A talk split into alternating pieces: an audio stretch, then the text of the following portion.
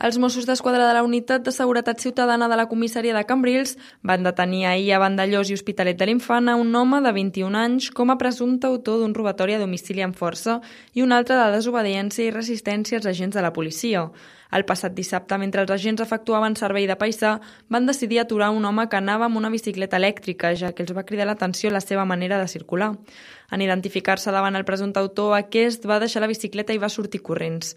Després de la comprovació d'una denúncia el mateix dia dels fets, es va retornar la bicicleta valorada gairebé en 3.000 euros al propietari i es va iniciar la gestió per determinar l'autor del robatori.